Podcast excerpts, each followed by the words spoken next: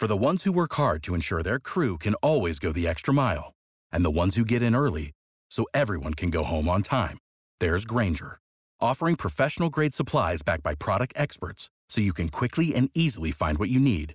Plus, you can count on access to a committed team ready to go the extra mile for you. Call, clickgranger.com, or just stop by. Granger, for the ones who get it done. W dzisiejszym odcinku. Wizerunkowo jest wolnorynkowy, taki fajny, tiktokowy, nowoczesny, no ale de facto wprowadza do Sejmu ludzi po prostu nieodpowiedzialnych, nieobliczalnych, e, szkodzących polskiej racji stanu. Już to na całym świecie te obrazki chodzą, już mało kogo będzie interesować, że to jest Grzegorz Braun, polityk zupełnie odklejony od polskiego mainstreamu politycznego, że wszyscy to potępili i tak dalej.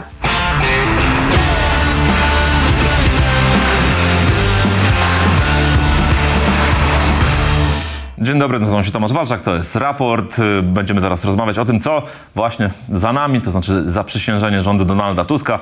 Ono odbyło się e, w Pałacu Prezydenckim, dokonało się to przekazanie władzy z rąk Prawa i Sprawiedliwości w ręce Donalda Tuska, tej koalicji, jak to mówi Donald Tusk 15 października, a konkretnie Koalicji Obywatelskiej, Trzeciej Drogi i Lewicy. E, ze mną tę sprawę i to, co wydarzyło się dzisiaj, wczoraj, przedwczoraj, całą serię tych wydarzeń politycznych będzie komentował ze mną Marcin Makowski, Tygodnik Wprost, Klub Jagielloński. Witam cię Marcinie serdecznie. Witam. E, Marcinie, e, zacząłbym e, od dzisiaj, oczywiście, bo najświeższe wydarzenia od nich zaczniemy. Prezydent Andrzej Duda dziś takie koncyliacyjne przemówienie przy tym zaprzysiężeniu mówił o wspólnym ciężarze odpowiedzialności za Polskę, którą będą musieli nieść z Donaldem Tuskiem i jego rządem. Zachęcał do współpracy, zapraszał w skromne progi Pałacu Prezydenckiego z każdą sprawą. Powiedział, że nawet jak się nie dogadają, to chociaż niech się spotkają i spróbują dojść do porozumienia to jest jeden Andrzej Duda. Drugi Andrzej Duda to jest ten z pierwszego posiedzenia Sejmu dziesiątej kadencji, kiedy jego orędzie z mównicy sejmowej bardzo konfrontacyjne wobec tej yy, nowej większości. Wtedy mówił, że ma weto, nie zawaha się go użyć. Yy, straszył, że będzie pilnował, żeby przypadkiem Donald Tusk i jego ekipa nie pozbyli się osiągnięć Prawa i Sprawiedliwości. No i który twoim zdaniem Andrzej Duda jest prawdziwy jako ten koabitant rządu Donalda Tuska? Ten dzisiejszy, czy ten z orędzia właśnie pierwszego, pierwszego dnia posiedzenia Sejmu? Wiesz, myślę, że życie jest tak skomplikowane, że jeden i drugi może być prawdziwy, jak w tym e, memie takim, każdym z nas są dwa wilki, tak? Jeden chciałby być e, przeciwko Donaldowi Tuskowi i jego rządowi, bo przecież to jest rząd, który w stu konkretach zapisał Trybunał Stanu dla prezydenta, na drugi jest jednak prezydentem Rzeczpospolitej Polskiej, a nie jest, y, nie jest tylko i wyłącznie politykiem o jakiejś proweniencji partyjnej, co musi od siebie wymagać więcej. No i też y, pewnie chciałby siebie widzieć w przyszłości jako polityka, który został zapamiętany jako ten, który potrafił się jednak dogadać z nowym, jakby nie było legalnie wybranym demokratycznym rządem. I to będzie trudny czas y, dla polskiej polityki, dla, prezyd- dla Pałacu Prezydenckiego taki czas ostatecznego sprawdzam przed tym, co Andrzej Duda może nadal jako młody polityk robić po, po upływie swojej kadencji y, prezydenckiej. I to jest jakaś próba takiego sądowania, czy da się znaleźć takie rozsądne minimum w tej współpracy, bo wiem z jakichś takich zakulisowych rozmów, że to nie jest pierwsze takie spotkanie, pierwsza taka próba koncyliacyjnego jednak podejścia do Donalda Tuska, bo już na przykład w BBN-ie od pewnego czasu takie dyskusje robocze y, trwają.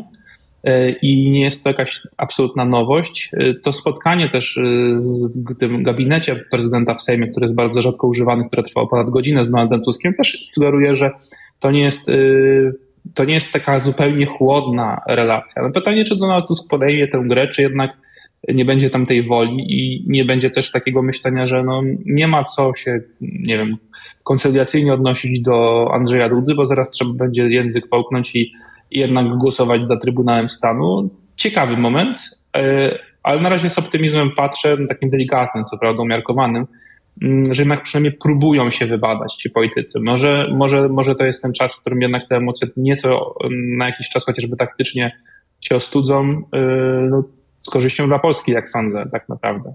No się zastanawiam, e, kto w tej relacji e, duży pałac, mały pałac będzie większym petentem. Czy Andrzej Duda e, wobec Donalda Tuska, czy Donald Tusk wobec Andrzeja Dudy. No moja robocza hipoteza jest taka, że jednak bardziej teraz Andrzeja Dudy potrzebuje Donald Tusk, żeby no, pewne swoje pomysły jak najszybciej po prostu wcielić w życie. No, bez podpisu prezydenta nie da się wielu rzeczy zrobić. No i tutaj chyba będzie szukał raczej porozumienia z prezydentem Dudą i to on w tej roli petenta chyba będzie bardziej występował występował przynajmniej chwilowo. No na pewno, co prawda rząd jako całość może przytrzymać prezydenta, bo ma kadencję na 4 lata, prezydent za 2 lata się zmieni. Nawet 19 miesięcy, to już jeszcze szybciej. No nawet, nawet mniej, tak. Y, na kogoś znacznie bliższego.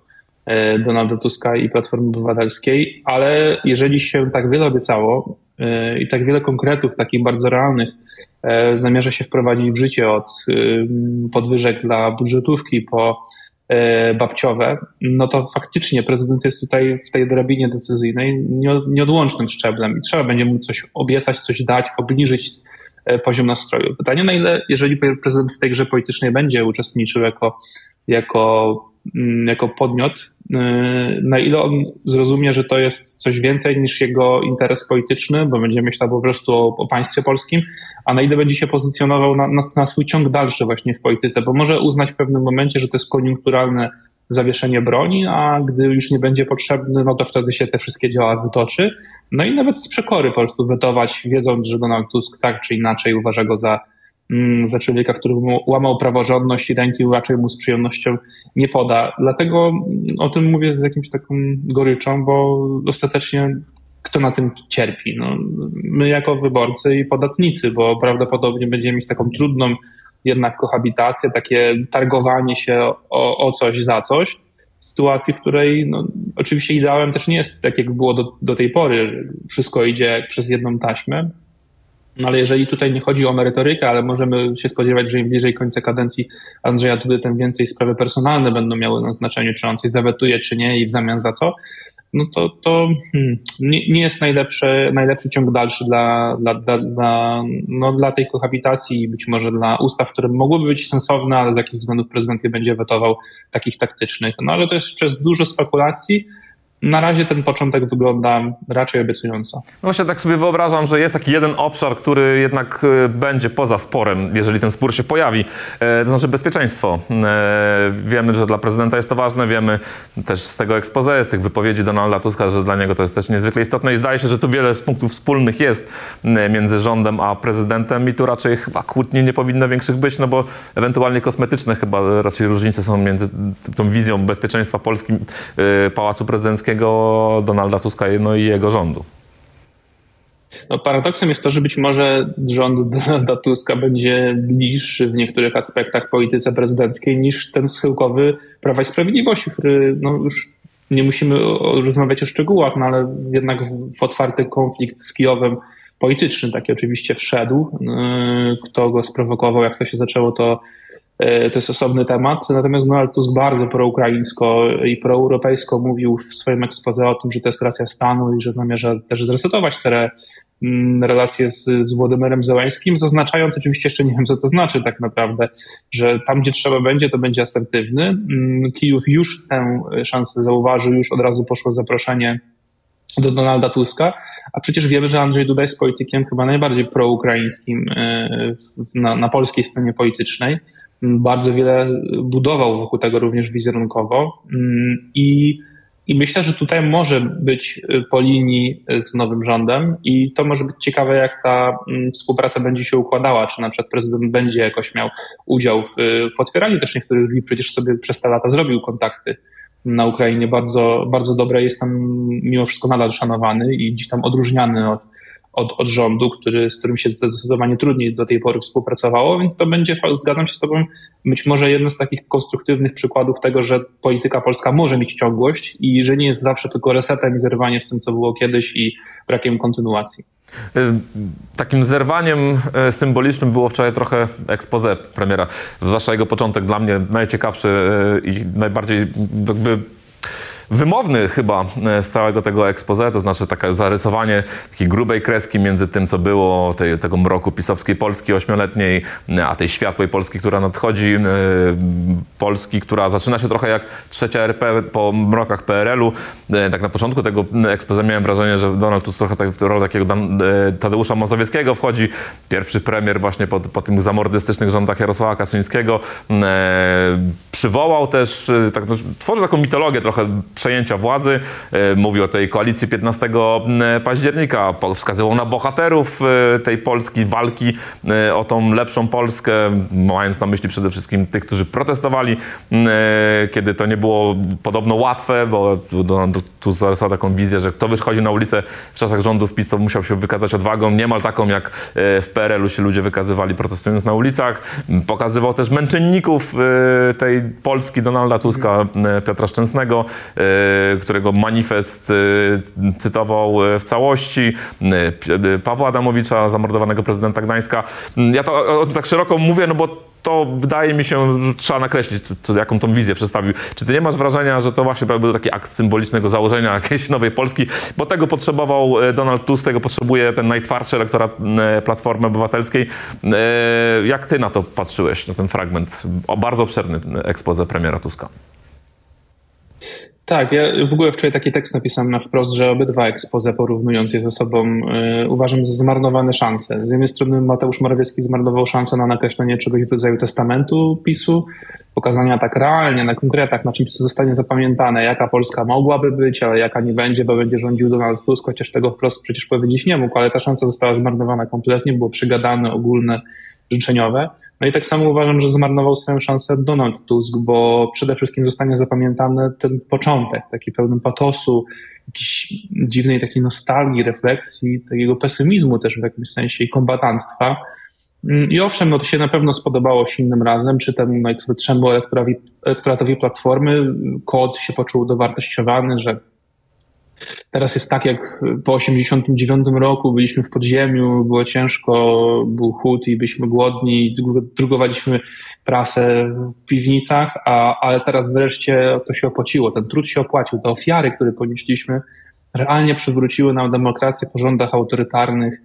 Y, ja nie jestem zwolennikiem takiej retoryki, y, bo uważam przede wszystkim, że jeżeli chodzi o na przykład budowanie tych męczenników i tej wizji no, w przypadku Piotra Szczęsnego, tak jak, nie wiem, to by był drugi Ryszard Siwiec, tak, który się dokonał aktu samospalenia na stadionie e, dziesięciolecia. Mm, no to, to, to jest szkodliwe społecznie, z perspektywy psychologii społecznej, psychiatrii. Każdy ekspert powie, że takie mm, romantyzowanie samobójstwa zwłaszcza w sytuacji, która tego realnie nie wymagała po prostu. No nie wiem, jaka sytuacja w ogóle wymaga samobójstwa, no ale nie, nie taka, w którym, no nie wiem, dwa lata temu, że jakiś rząd objął władzę w demokratycznych wyborach i po prostu rządził źle, ale no można było go obalić po prostu w następnych wyborach. No, nie chcę wchodzić w te szczegóły, no bo doceniam dramat, powagę, majestat śmierci i sam nie chcę tutaj za długo o tym, mm, o, tym, o tym rozmawiać, ale uważam za nieodpowiedzialne, zresztą tak potem Mariusz Błaszczak też wyszedł z,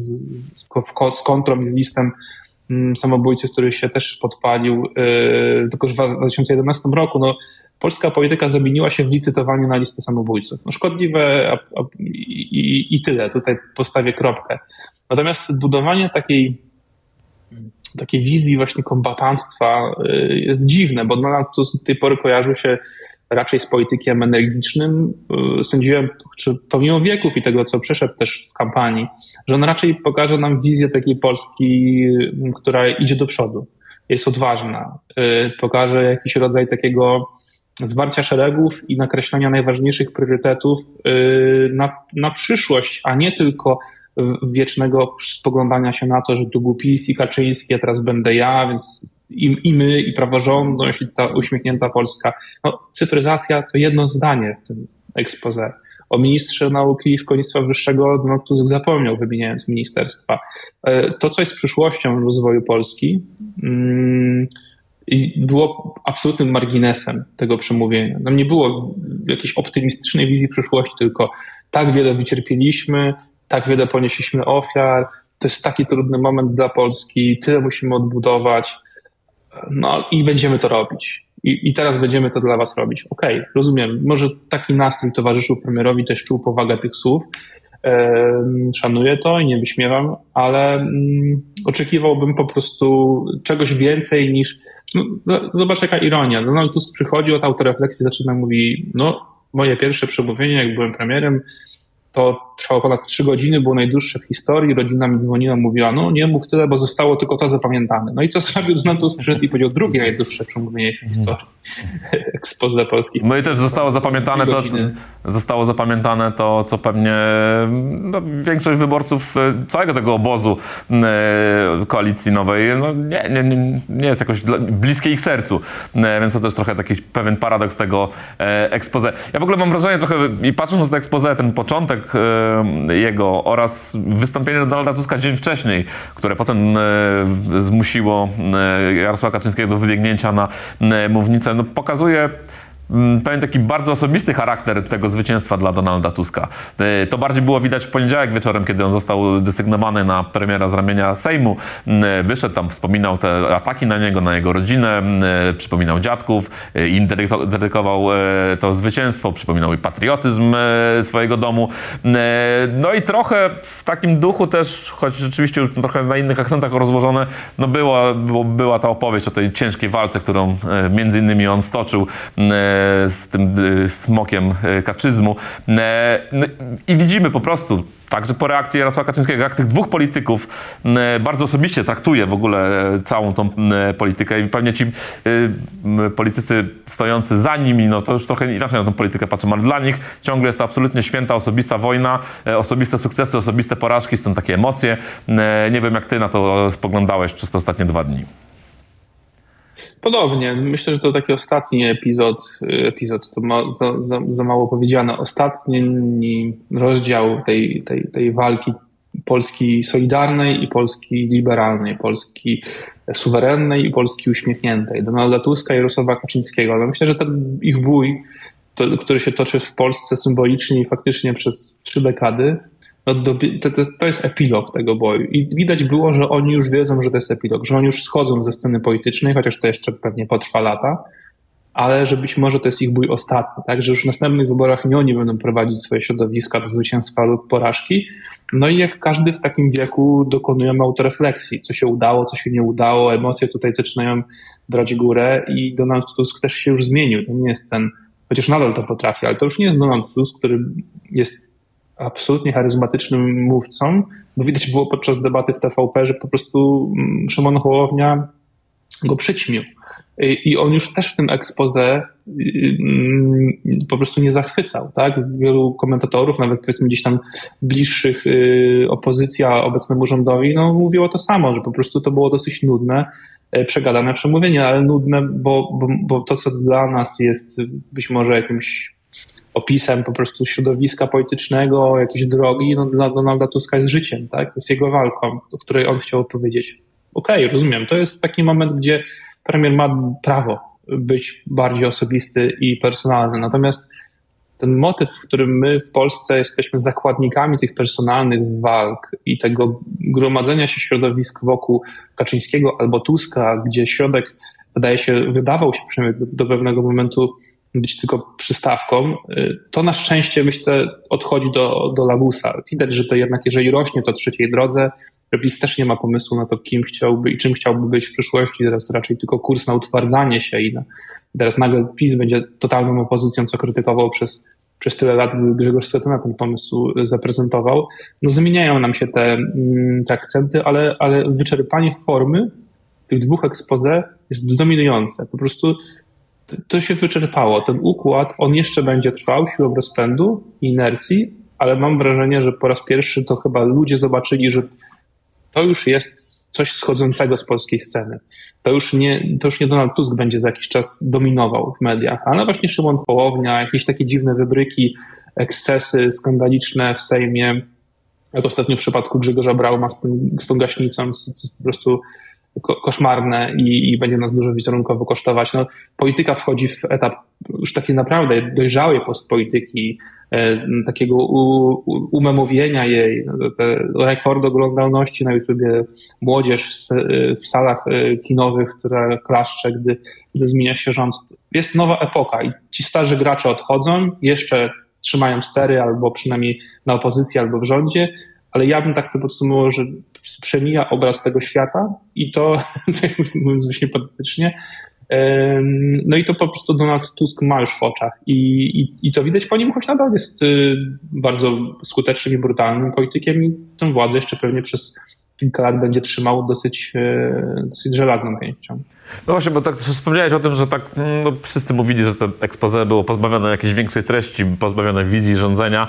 Mm, e, jedyne, czego tam się mogłem dopatrzyć, to trochę takie właśnie przejście Donalda Tuska na bardziej takie socjaldemokratyczne e, pozycje. Już nie jest takim twardym liberałem, jakiego go pamiętaliśmy mm, z początków tej wielkiej kariery. Mam na myśli już ten czas po 2005 roku, kiedy on rzeczywiście stał się politykiem wielkiego formatu.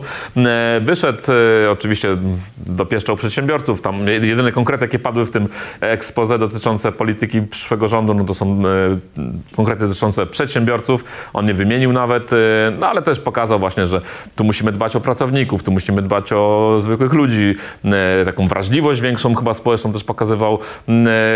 To jest też polityk, który dojrzał, jak bardzo zmieniła się polska polityka i polskie społeczeństwo, że już nie pragnie podatków liniowych, obniżania tych podatków państwa minimalnego, tylko oczekuje, że to państwo po prostu będzie stało na, na straży jakiejś stabilności życiowej ich. E, to też jakieś chyba e, lekcja, którą wy, mógł wyciągnąć i też coś, co w sposób, w jaki Prawo i Sprawiedliwość wpłynęło na Donalda Tuska, no bo ono trochę do tej debaty wprowadziło i Donald Tusk po prostu już nie może tego zignorować. Tomaszu, że tobie dusza socjaldemokraty wyłapuje takie akcenty i takie, takie, takie momenty w polityce i to, to, to szanuję, ale myślę, że to nie jest do końca szczere w przypadku Donalda Tuska. On jest oczywiście wybitnym politykiem w sensie rozumienia nastrojów społecznych, operowania nimi, zmiany, takiej lawirowania tego, czym jest koalicja obywatelska, czym jest Platforma Obywatelska, która przecież zaczynała jako partia konserwatywno-chadecka. Tutaj w Krakowie y, podpisywała manifest, który mówił o obronie wartości tradycyjnej rodziny E, ładnych parę lat temu. No dzisiaj to już jest partia, w której większość osób, jeżeli się nie mylę, już podczas zaprzysiężań, e, podczas składania przysięgi w Sejmie nie powiedziało tak mi dopomóż Bóg, w tym Donald Tusk, który, mm, który, który też tego nie zrobił, a jeszcze jakiś czas temu tak ślubował. Mm, no i tak można powiedzieć, że te akcenty socjaldemokratyczne są, to znaczy babciowe, mm, to znaczy podwyżki dla budżetówki, dla nauczycieli, na razie obiecane. Zobaczymy, czy, czy te obietnice zostaną spełnione. No ale masz z drugiej strony jednak, y, myślę, że to prawdziwą, nieudawaną tożsamość Platformy Obywatelskiej, czyli neoliberalną.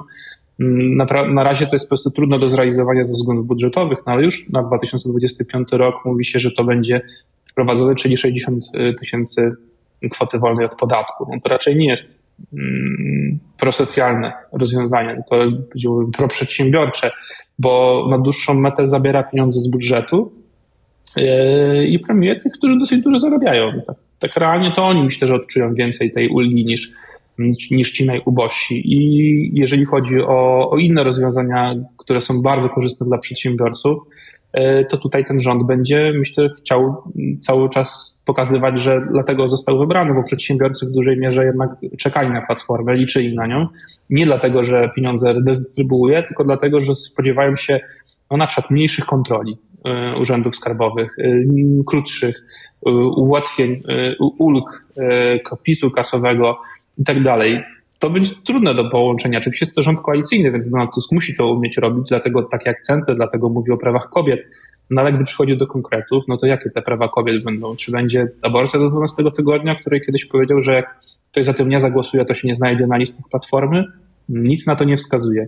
Czy będą związki partnerskie? Nic na to nie wskazuje, żeby to można było przeprocedować. Zawsze można powiedzieć, że to przez prezydenta.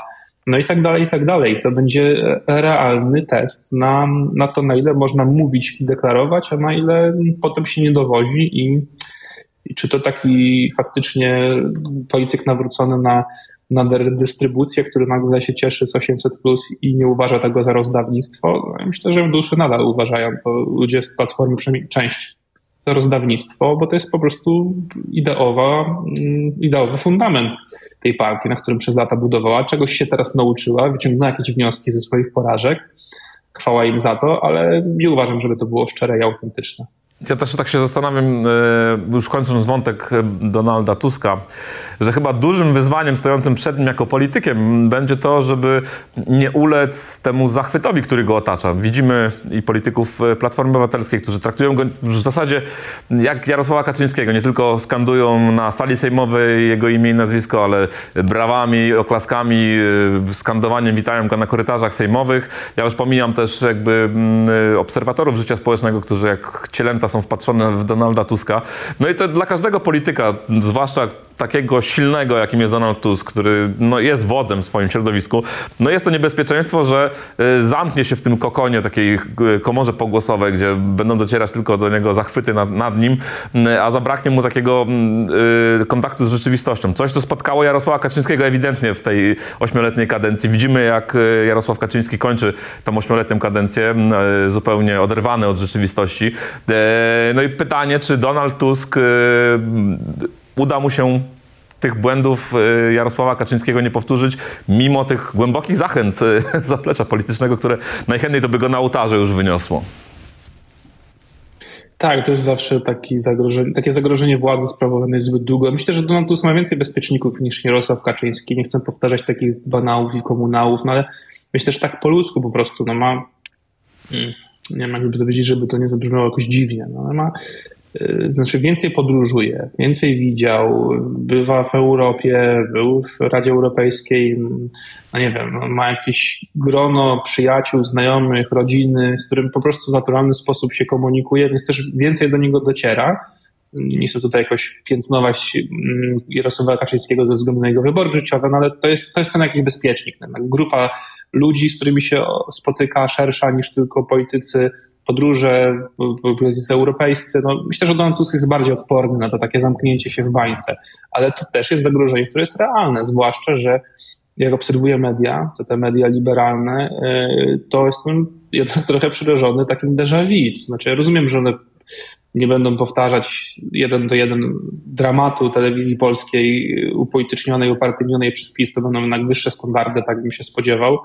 No ale ale, ale jestem przerażony jako dziennikarz tym, że no Donald Tusk dla tych ludzi nie jest politykiem. Jest po prostu, nie wiem, no, kimś w rodzaju Lecha Wałęsy po 89 roku, kimś wokół kogo można mówić, że się z nim utożsamia, bo to nie jest wstyd, bo przecież to jest demokratyczna opozycja, która obaliła autorytarne rządy, więc to już nie jest tak, że można po prostu neutralnie podchodzić do polityka. To można powiedzieć wprost, że się jest za nim. Tak?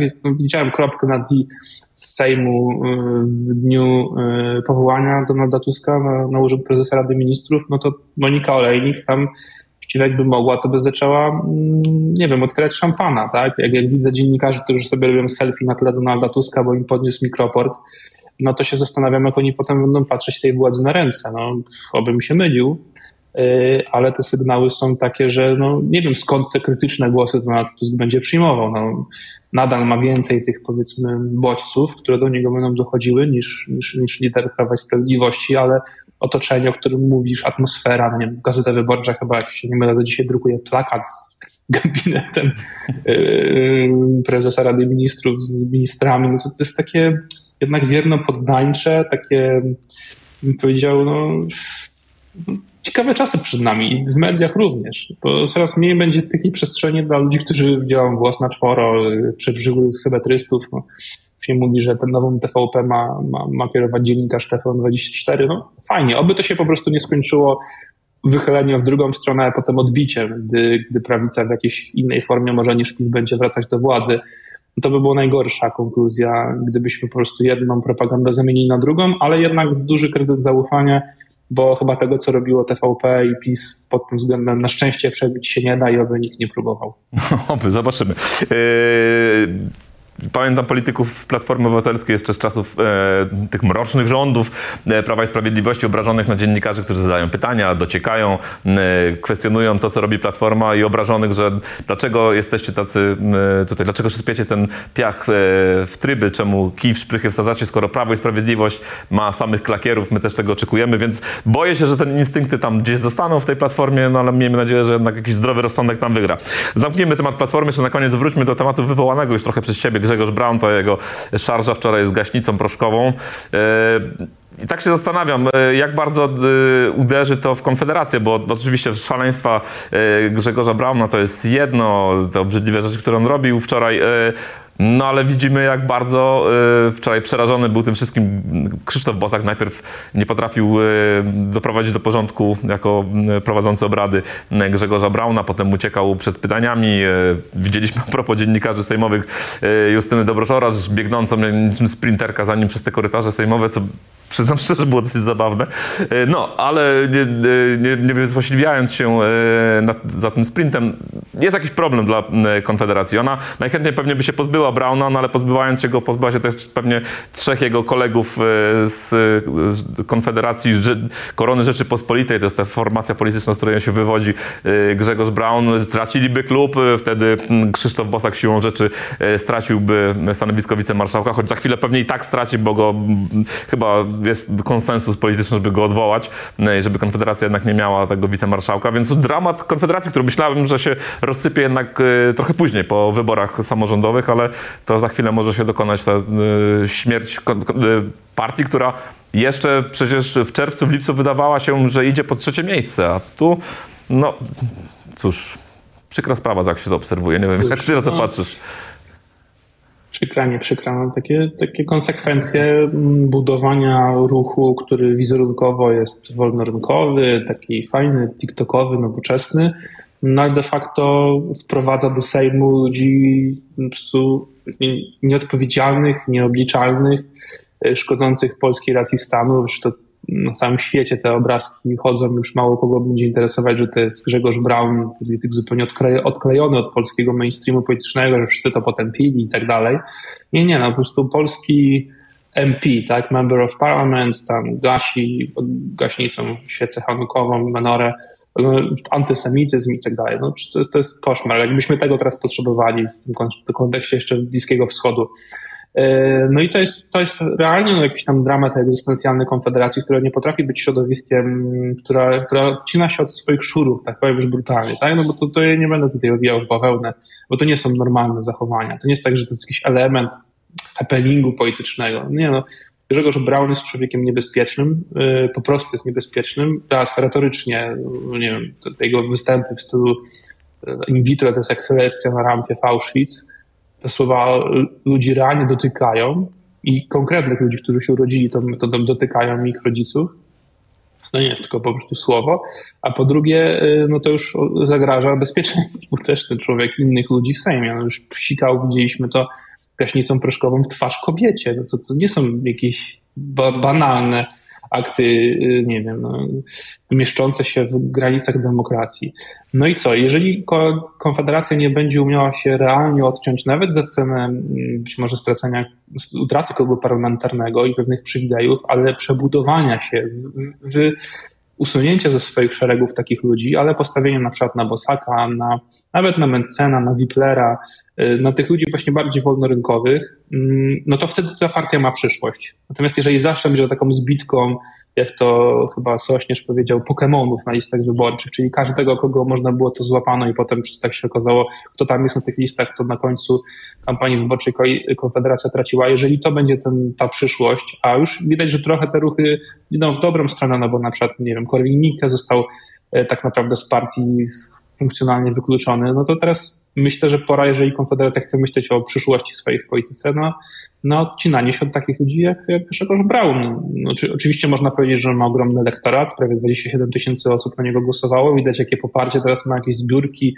nagle po prostu mm, rekordowe na jego uposażenie, które zostało mu obcięte przez marszałka Hołownię, no to jest trochę przerażające, no ale nie można tego elektoratu lekceważyć, ale jeżeli to ma być elektorat, na którym chce się opierać Konfederacja, no to zawsze będzie zakładnikiem takiego Grzegorza Brauna i ostatecznie nigdy nie, nie zostanie poważną partią. E, no i teraz jest największa sprawa. Przyszło szybciej niż się spodziewali, jest ostrzejsze, ale jak się teraz tego nie zrobi, no to, to ten model się będzie tylko ciągnął za Konfederacją e, i tak czy siak inaczej to, to środowisko upadnie, tylko po prostu odroczy nieunikniony koniec. No właśnie, ciekawe będzie obserwować, co się z tą Konfederacją będzie działo. No, wspomniałeś Janusza Korwina-Mikkego.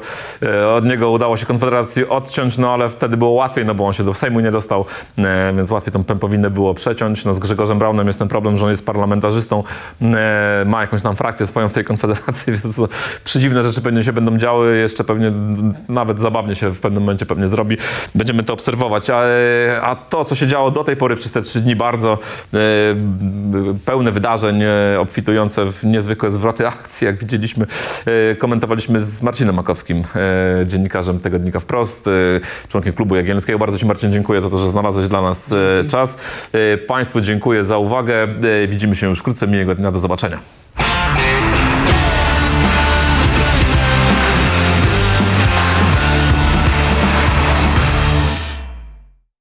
Guys, it is Ryan. I'm not sure if you know this about me, but I'm a bit of a fun fanatic when I can. I like to work, but I like fun too. It's a thing. And now the truth is out there. I can tell you about my favorite place to have fun Chumba Casino. They have hundreds of social casino style games to choose from, with new games released each week. You can play for free anytime, anywhere and each day brings a new chance to collect daily bonuses. So join me in the fun. Sign up now at ChumbaCasino.com. No purchase necessary. VGW. Void were prohibited by law. See terms and conditions. 18 plus.